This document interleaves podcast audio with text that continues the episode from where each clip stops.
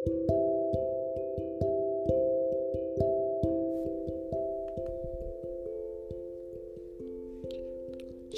Bapak Ibu, Saudara-saudari semuanya.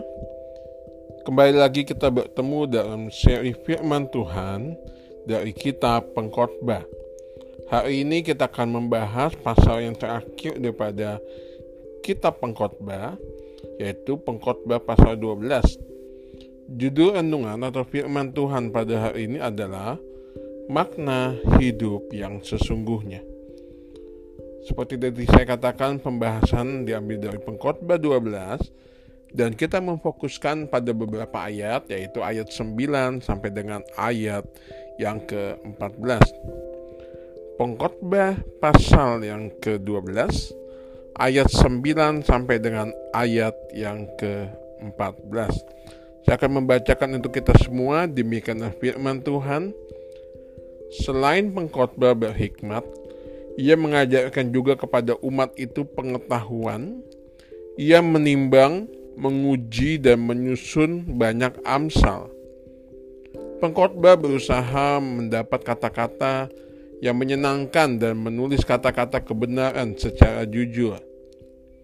Kata-kata orang berhikmat seperti kusa dan kumpulan-kumpulannya, seperti paku-paku yang tertancap diberikan oleh satu gembala.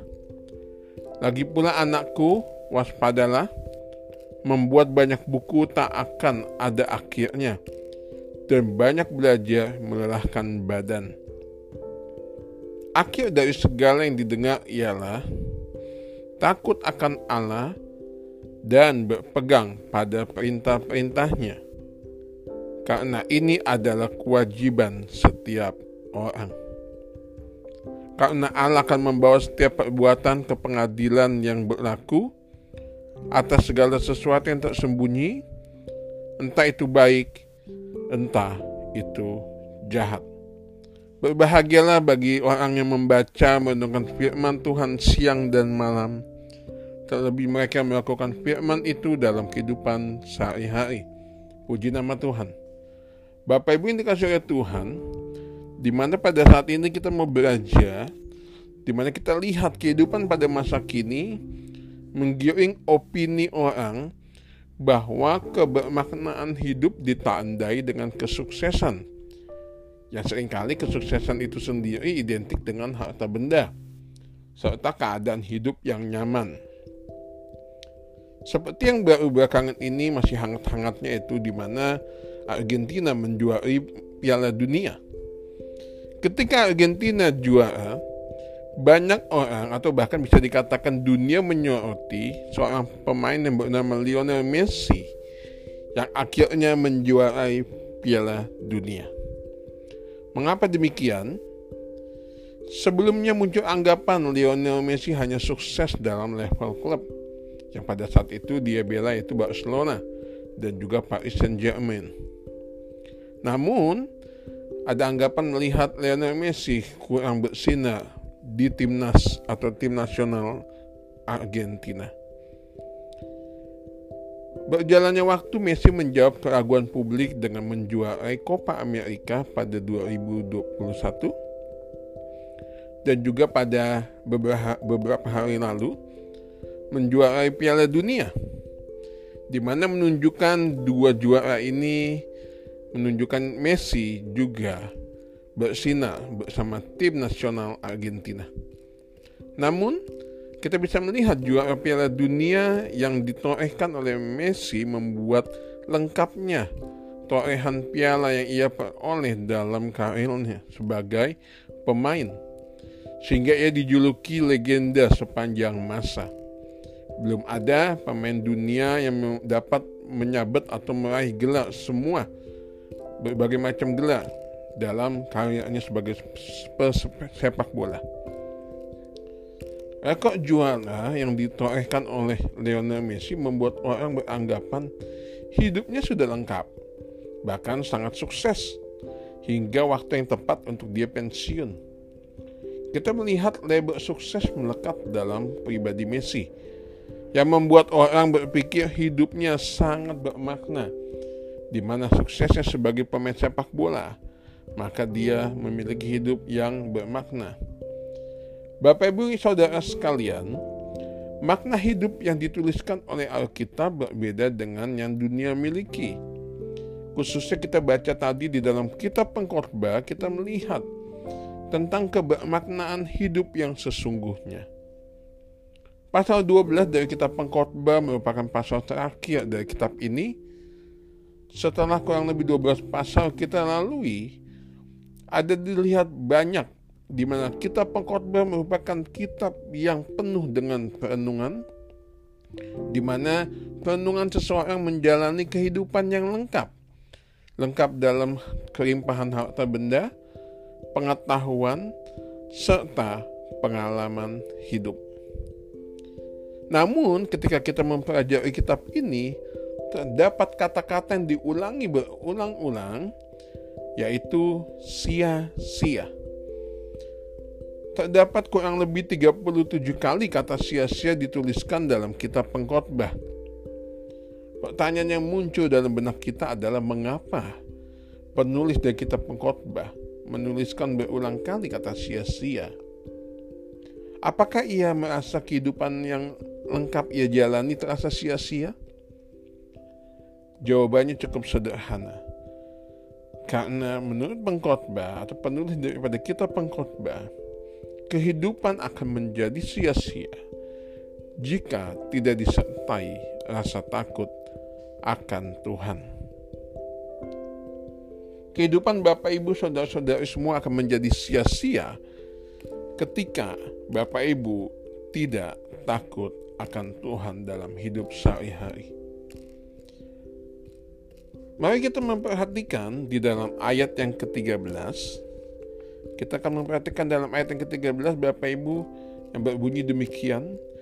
Akhir kata dari segala yang didengar ialah takutlah akan Allah dan berpegang pada perintah-perintahnya. Karena ini adalah kewajiban setiap orang. Apa yang dipikirkan pengkhotbah dapat menjadi cambuk atau menjadi warning alarm bagi setiap orang, termasuk Anda dan saya yang hidup pada masa kini. Mengapa demikian? Penulis daripada kitab pengkhotbah yang umumnya sebenarnya banyak berpikir itu adalah Salomo. Kita bisa lihat Salomo memiliki kehidupan yang lengkap seperti saya jelaskan sekilas tadi. Kehidupan yang lengkap dalam artian bergelimang harta dan benda Kehidupan yang lengkap karena dia memiliki kedudukan. Kehidupan yang lengkap karena pengetahuan dan hikmat yang luar biasa diberikan oleh Tuhan. Kehidupan yang lengkap karena pengalaman yang cukup beragam. Kita bisa melihat Salomo memiliki kehidupan yang begitu amat sangat lengkap.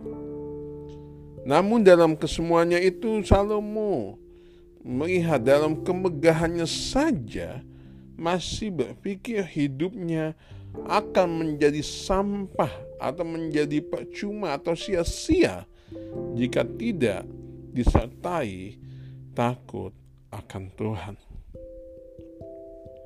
Bapak Ibu Saudara semua, takut akan Tuhan dan berpegang pada perintah Tuhan merupakan dua hal yang disebutkan dalam pasal ke-13 Kedua hal ini merupakan sebuah paket yang saling berkaitan dan tidak terpisahkan.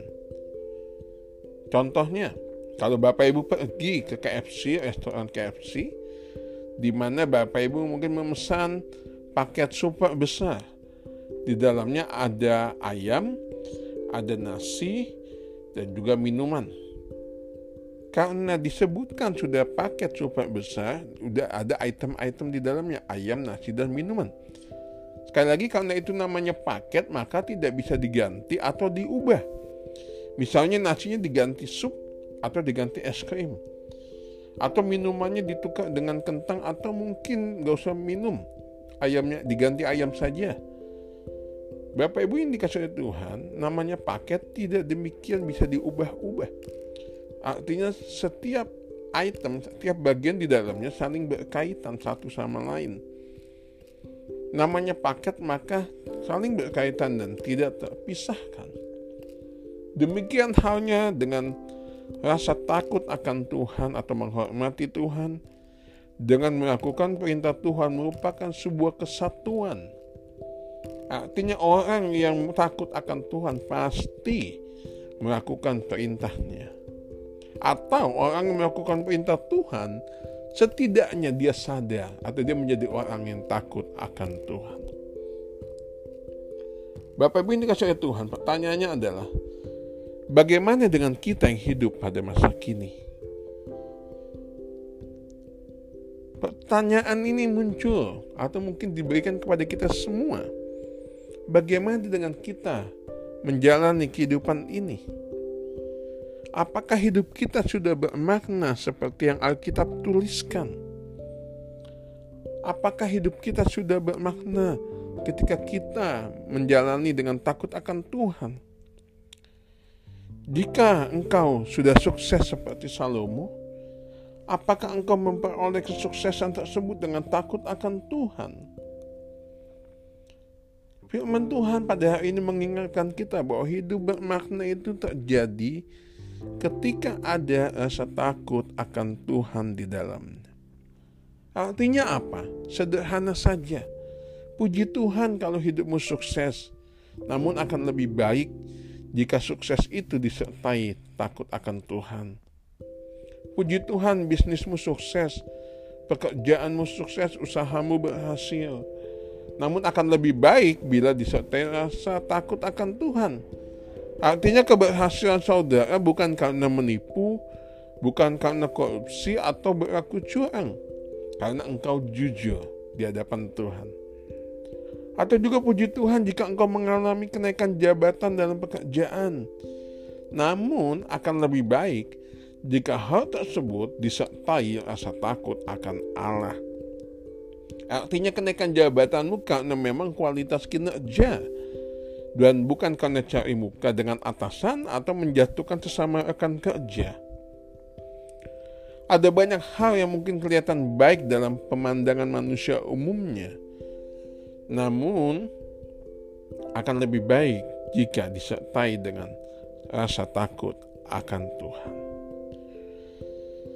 Saya ingin menutup dengan sebuah pernyataan seperti demikian bukan seberapa sukses atau berhasil hidup kita, namun seberapa besar kita menjalaninya dengan takut akan Tuhan. Dengan demikian, hidup kita akan menjadi lebih bermakna. Kita akan semakin memahami makna hidup yang sesungguhnya. Tuhan Yesus memberkati kita semua.